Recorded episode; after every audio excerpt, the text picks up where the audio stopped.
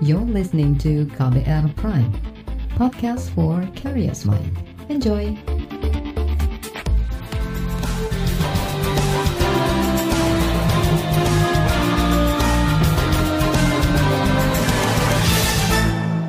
Halo selamat sore saudara, apa kabar Anda sore hari ini? Kembali saya Reski Mesanto hadir di KBR Sore, hari ini tanggal 2 September 2022. Sore ini selama kurang lebih 30 menit ke depan, saya mau ajak Anda untuk membahas kasus pembunuhan aktivis hak asasi manusia HAM Munir Said Talib yang terjadi pada 2004. Rabu pekan depan atau pada 7 September, kasus ini genap berusia 18 tahun. Penuntutan kasusnya terancam kadaluarsa. Sejumlah aktivis mendesak Komnas HAM segera menetapkan perkara ini sebagai pelanggaran HAM berat agar tidak kadaluarsa. Lalu apa sebetulnya hambatan yang terjadi? Kita bahas selengkapnya di KBR sore. Saudara desakan agar kasus pembunuhan Munir ditetapkan sebagai pelanggaran HAM berat makin menguat. Desakan ini makin keras disuarakan karena kasusnya terancam kadaluarsa. Ada batas waktu 18 tahun penyelesaian tindak pidana biasa sebagaimana ketentuan Kitab Undang-Undang Hukum Pidana atau KUHP. Komite Aksi Solidaritas untuk Munir atau Kasum beberapa kali juga menggelar aksi untuk menyuarakan desakan itu. Apabila kasus Munir ditetapkan sebagai pelanggaran HAM berat, maka bakal masuk dalam ranah Undang-Undang tentang Pengadilan HAM. Menanggapi desakan yang disuarakan Kasum, kantor staf presiden atau KSP menyebut, langkah tersebut sudah tepat ditujukan ke Komnas HAM, bukan ke pemerintah. Sebab menurut tenaga ahli KSP Siti Ruhaini, penetapan pelanggaran HAM berat murni kewenangan dari Komnas HAM. Kata dia, pemerintah menghormati independensi dari Komnas HAM. Ini ia sampaikan saat dihubungi KBR siang tadi. Ketika disinggung mengenai dokumen tim pencari fakta atau TPF Munir, Siti tak merespon. Hasil penyelidikan TPF Munir itu diserahkan kepada Susilo Bambang Yudhoyono atau SBY Presiden saat itu pada 24 Juni 2005. Namun hingga kini temuan tersebut tidak kunjung diungkap ke publik. Dokumen TPF itu masih menjadi misteri. Pada akhir 2021, Siti Rohaini mengatakan kelanjutan kasus Munir bergantung pada proses hukum yang tengah berjalan penanganan bisa berlanjut jika ada bukti baru. Kalau masalah Munir ini eh, ya sangat bergantung kepada masalah proses-proses yang dulu sudah dilakukan kan dan sebetulnya kan sudah ada proses hukum ya yang menghukum Polikarpus ya. Nah, untuk kasus-kasus yang selanjutnya tentu ini sangat bergantung kepada proses eh, yudisialnya ya dan itu tentu membutuhkan adanya bukti-bukti dan sebagainya. Tapi secara umum eh, pemerintah sangat terbuka sih, Mbak, kalau memang misalnya itu dimungkinkan lagi gitu. Saudara itu tadi tenaga ahli KSP Siti Siti Ruhaini. Oktober 2016, Presiden Joko Widodo memerintahkan Jaksa Agung mencari dokumen TPF. Jokowi yang baru menjabat dua tahun berjanji melanjutkan penanganan kasus Munir jika ada bukti baru. Sudah saya sampaikan, sudah saya perintahkan pada Jaksa Agung untuk mencari dan melihat di mana hasil dari tim pencari fakta itu. Karena di Menseknek, di Seknek memang tidak ada, di Seknek juga tidak ada.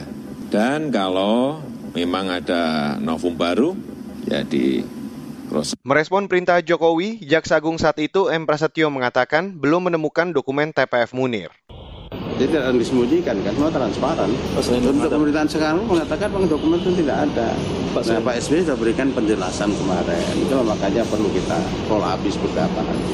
Ya. Intinya kalau dokumen yang asli sudah ditemukan, kita akan segera pelajari untuk menentukan sikap dan langkah kita selanjutnya seperti apa. Saudara itu tadi M. Prasetyo saat menjabat Jaksa Agung Oktober 2016. Saudara Munir Said Talib tewas saat berada di atas pesawat Garuda Indonesia dengan nomor penerbangan GA974 menuju ke Amsterdam, Belanda 7 September 2004. Pendiri Kontras dan Imparsial itu berencana melanjutkan kuliah pasca sarjana di Belanda. Institut Forensik Belanda atau NFI membuktikan Munir tewas akibat racun arsenik dalam dosis tinggi. Terdakwa kasus pembunuhan Munir, Polikarpus Prianto, pilot pesawat yang ditumpangi Munir, dihukum 14 tahun penjara oleh, oleh Pengadilan Negeri atau PN Jakarta Pusat pada 2005. Pada 2014, Polikarpus bebas bersyarat usai menjalani masa tahanan 8 tahun. Polikarpus meninggal pada Oktober 2020.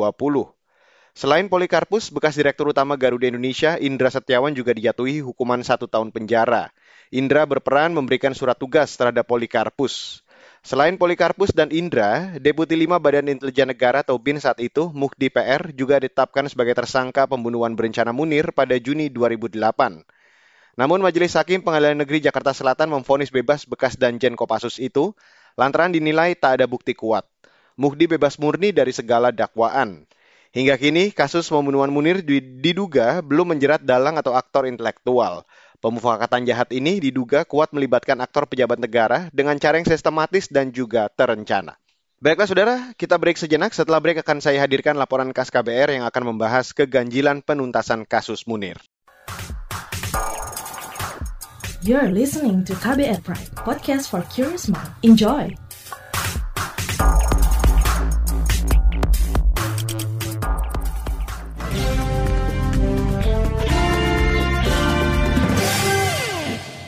Saudara berbagai kejanggalan terjadi sejak kasus pembunuhan aktivis hak asasi manusia Munir Said Talib 18 tahun silam. Kejanggalan itu membuat pengusutan kasus Munir semakin sulit dituntaskan. Berikut saya hadirkan laporan KAS KBR yang disusun Agus Lukman. Selama hampir 18 tahun, keluarga aktivis hak asasi manusia Munir Said Talib tak henti-hentinya menuntut keadilan. Munir tewas diracun saat berada di pesawat Garuda Indonesia dalam perjalanan dari Jakarta ke Amsterdam, Belanda, 7 September 2004. Namun, hingga kini, kasus itu tidak terungkap tuntas. Pada akhir 2004, Presiden Susilo Bambang Yudhoyono mengeluarkan keputusan Presiden untuk membentuk tim gabungan pencari fakta TGPF kasus Munir. Ia menyebut kasus Munir sebagai ujian sejarah bangsa. Kepres mencantumkan dengan jelas bahwa pemerintah akan mengumumkan hasil penyelidikan tim ke masyarakat. Hingga akhir masa jabatan SBY selama dua periode, hasil penyelidikan tidak pernah diumumkan ke publik. Di masa pemerintahan Joko Widodo, aktivis hak asasi manusia menuntut agar pemerintah membuka isi dokumen hasil penyelidikan TGPF. Namun, pihak istana mengklaim dokumen hilang. Upaya masyarakat menggugat melalui Komisi Informasi Pusat juga tidak membuahkan hasil karena ternyata tidak ada lembaga negara termasuk Sekretariat Negara yang memegang dokumen sepenting itu. Direktur Lembaga Bantuan Hukum LBH Jakarta Arif Maulana menilai Presiden Jokowi belum memenuhi janjinya untuk menyelesaikan kasus Munir.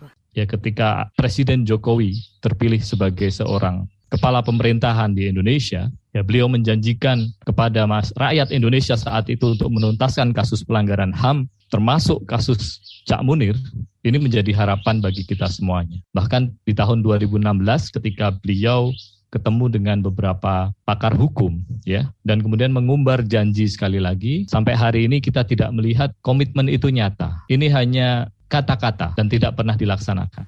Pada pemerintahan SBY, proses hukum berjalan cepat. Sejumlah orang diadili dan dihukum penjara. Pilot Garuda, Polikarpus Budihari Prianto, dihukum 14 tahun penjara. Proses hukum Polikarpus diwarnai drama putusan naik turun seperti ayunan. Di pengadilan tingkat pertama, ia difonis 14 tahun penjara. Di tingkat kasasi, hukuman didiskon besar-besaran menjadi hanya dua tahun. Lalu di tingkat peninjauan kembali atau PK yang diajukan Kejaksaan Agung, Mahkamah Agung memperberat vonis menjadi 20 tahun penjara. Tapi belakangan ketika Polikarpus mengajukan PK, hukuman berubah lagi menjadi 14 tahun. Selain Polikarpus, bekas Direktur Garuda Indonesia Indra Setiawan difonis satu tahun penjara. Fonis yang sama juga dijatuhkan kepada bekas petinggi Garuda lainnya, Rohainil Aini. Namun, proses hukum hanya menyentuh pelaku lapangan dan orang yang membantunya saja. Dalang di balik pembunuhan berencana Munir tidak tersentuh. Deputi 5 Badan Intelijen Negara BIN, Muhdi Purwo Pranyono sempat menjadi tersangka dan diadili.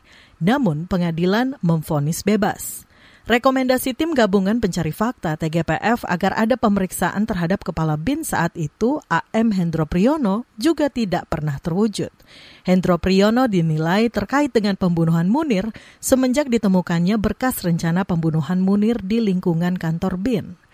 Pada pemilu 2014 dan 2019, Muhdi PR maupun Hendro Priyono masuk barisan pendukung Jokowi.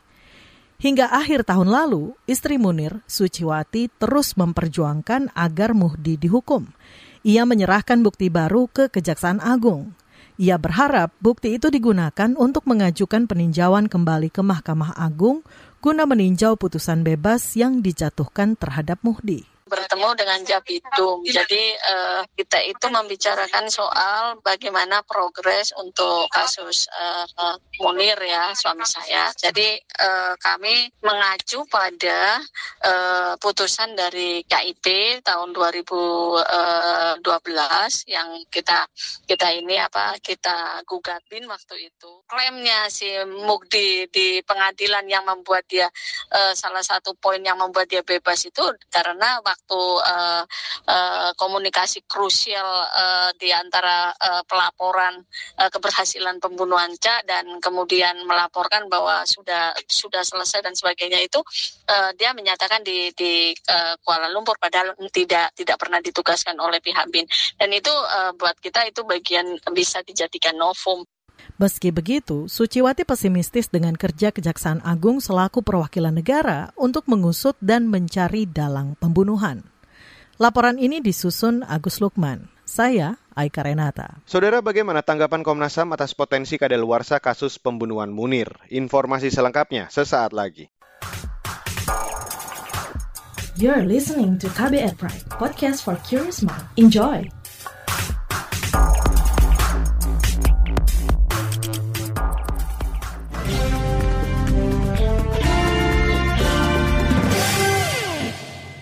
Saudara Komisi Nasional Hak Asasi Manusia atau Komnas HAM memutuskan membentuk tim ad hoc untuk menyelidiki kasus pembunuhan Munir sebagai dugaan pelanggaran HAM berat.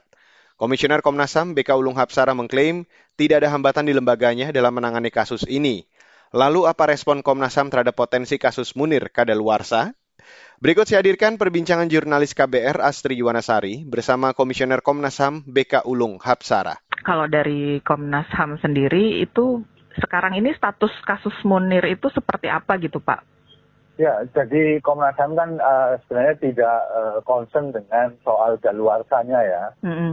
Karena ini kan kalau Komnas HAM tentu saja memiliki kewenangan untuk uh, penyelidikan terkait uh, dugaan pelanggaran HAM yang berat. Sementara mm -hmm. kalau dugaan pelanggaran HAM yang berat, uh, peristiwanya itu tidak mengenal ada luarsa itu yang pertama. Hmm. Yang kedua, kemudian Komnas HAM terakhir sudah memutuskan untuk membentuk tim ad hoc, hmm. ya, tim ad hoc untuk menyelidiki uh, peristiwa Munir sebagai uh, dugaan pelanggaran HAM yang berat begitu.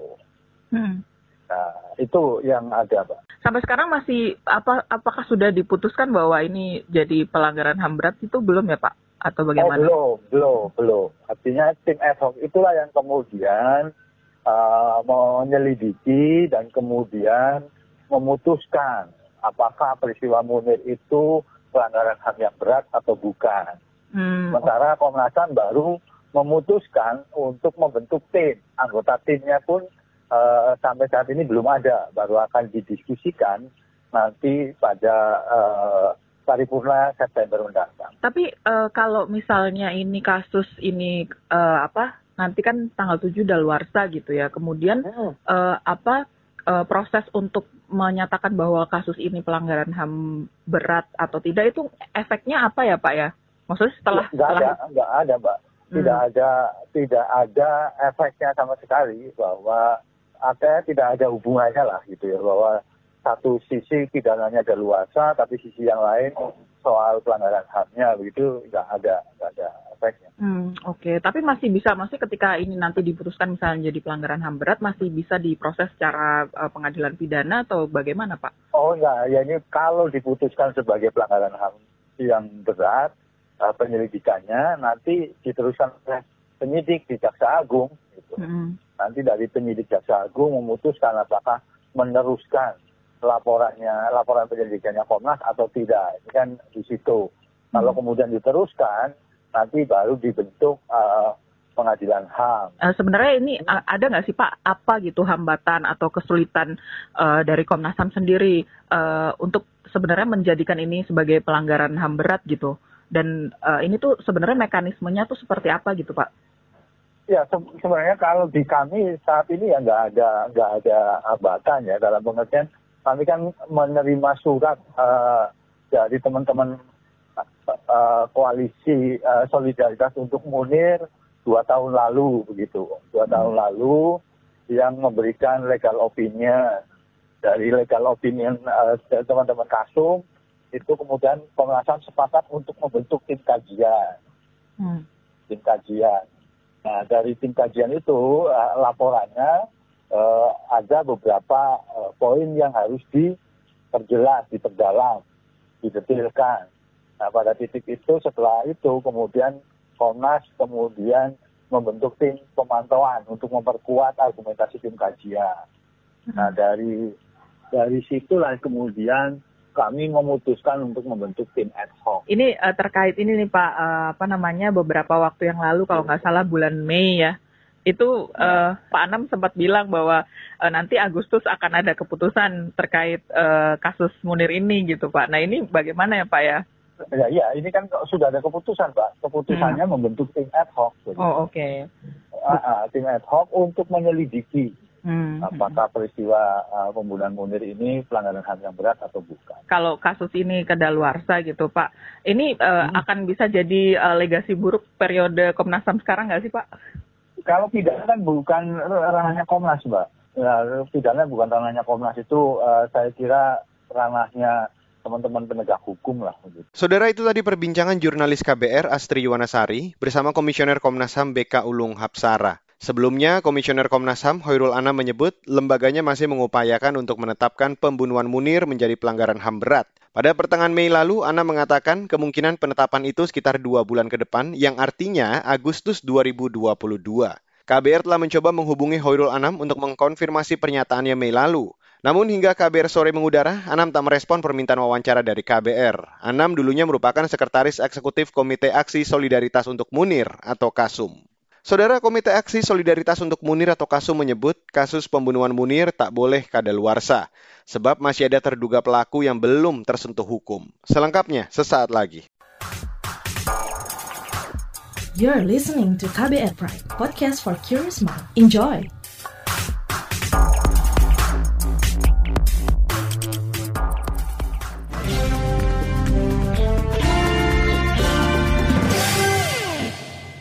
Saudara Komite Aksi Solidaritas untuk Munir atau KASU menyebut kasus pembunuhan aktivis HAM Munir Said Talib semestinya tak mengenal batas kadaluarsa. Sebab menurut Kasum, kasus ini merupakan kejahatan kemanusiaan yang mesti diusut tuntas. Anggota Kasum Arif Maulana mendesak Komnas HAM segera menetapkan kasus Munir sebagai pelanggaran HAM berat, sehingga pelaku kejahatan dari aktor lapangan hingga intelektual bisa dihukum. Berikut saya hadirkan perbincangan jurnalis KBR Astri Septiani dengan anggota Komite Aksi Solidaritas untuk Munir atau KASUM, Arif Maulana. 7 September nanti tepat 18 tahun kasus kematian Munir, begitu. Apakah penanganan kasus ini bisa kedeluarsa jika tidak segera ditetapkan sebagai pelanggaran HAM berat? Eh, ketika hari ini Komnas HAM mendorong kemudian adanya penyelidikan pro justisia sebagaimana Undang-Undang 26 2000 itu memang sudah seharusnya dan mestinya memang sudah sejak lama itu dilakukan. Jadi kalau besok ditanya di, di 7 September apakah kemudian kasus Cak Munir itu daluarsa, bagi kami di Kasum tidak, jelas tidak. Meskipun belum ditetapkan secara resmi, secara formal oleh Komnas HAM, kalau kita melihat apa yang terjadi di dalam kasus pembunuhan Cak Munir. Kasus ini jelas adalah kasus kejahatan kemanusiaan. Ini musuh bersama kita semua, anak bangsa, ya, seluruh umat manusia yang harus kita lawan. Tidak boleh ada impunitas, harus ada penuntasan uh, kasus ini agar keadilan untuk korban, gitu ya, pengungkapan kebenaran terkait kasus ini, siapa saja pelaku, dan pelaku harus diseret ke pengadilan dan dihukum sesuai dengan hukum yang berlaku, restitusi, rehabilitasi pemulihan korban itu harus dilakukan. Supaya kasus-kasus seperti ini tidak lagi terjadi di Indonesia. Ini bagian dari pelindungan negara terhadap warga negaranya, hmm. terutama mereka yang bergiat sebagai human rights defenders. Langkah apa saja yang sudah dilakukan oleh teman-teman Kasum supaya mendorong agar kasus Munir ini bisa ditetapkan sebagai pelanggaran HAM berat? Kami dari Kasum sejak tahun 2020 yang lalu menuntut kepada Komnas HAM untuk menetapkan kasus Cak Munir sebagai kasus pelanggaran HAM berat, kasus kejahatan kemanusiaan. Dan sebetulnya langkah itu bukan sejak tahun 2020, Komnas HAM sudah menerima pengaduan itu dari pasca kemudian Cak Munir meninggal. Di tahun 2014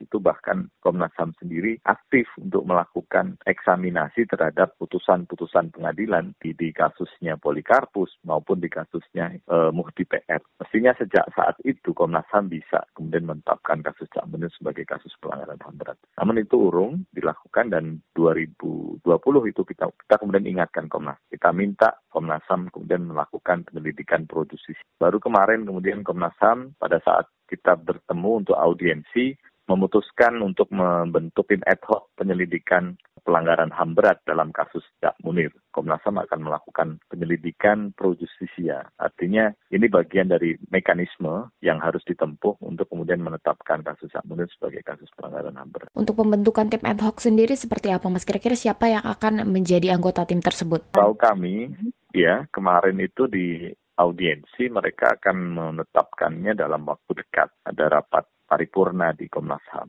Mereka meminta masukan juga dari publik, dari Kasum, terkait dengan nama-nama yang bisa kemudian diusulkan menjadi tim ad hoc untuk penyelidikan pro justisia kasus Cak Munir. Iya, sesuai dengan mandat Undang-Undang Pengadilan HAM, memang nantinya unsur dari tim ad hoc ini dari Komisi Nasional Hak Asasi Manusia dan yang kedua dari unsur masyarakat.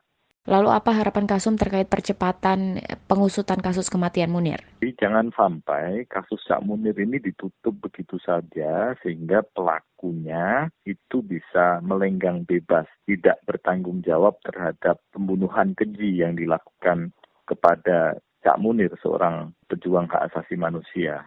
Presiden harus bertanggung jawab. Terlebih kita tahu dalam beberapa kesempatan beliau berjanji untuk menuntaskan kasus-kasus pelanggaran HAM masa lalu, termasuk kasus Kak Munir. Janji manisnya banyak, tapi buktinya nggak ada. Ini yang juga kita tuntut. Dan Selain itu, sebagaimana mekanisme Undang-Undang HAM, Jaksa Agung harus punya peran penting di sini. Bagaimana mandat Undang-Undang 26 2000, nantinya Komnas HAM ketika melakukan penyelidikan, mereka akan mengirimkan uh, eh, SPDP, surat pemberitahuan dimulainya penyelidikan. Dan diharapkan Jaksa Agung melakukan supervisi. Harapannya ya, kasus ini semakin cepat ya semakin kuat untuk segera kemudian dibuktikan sebagai kasus pelanggaran HAM berat dan dibawa ke pengadilan HAM yang yang nantinya memang harus dibentuk uh, oleh pemerintah dan juga DPR dan kemudian mengadili para pelakunya. Saudara itu tadi perbincangan jurnalis KBR Astri Septiani dengan anggota Komite Aksi Solidaritas untuk Munir atau Kasum Arif Maulana.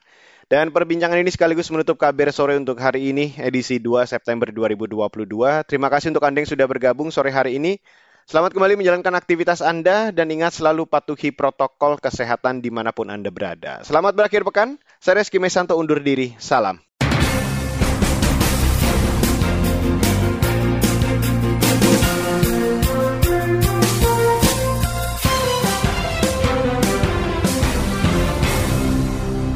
KBR Prime, cara asik mendengar berita. KBR Prime, podcast for curious mind.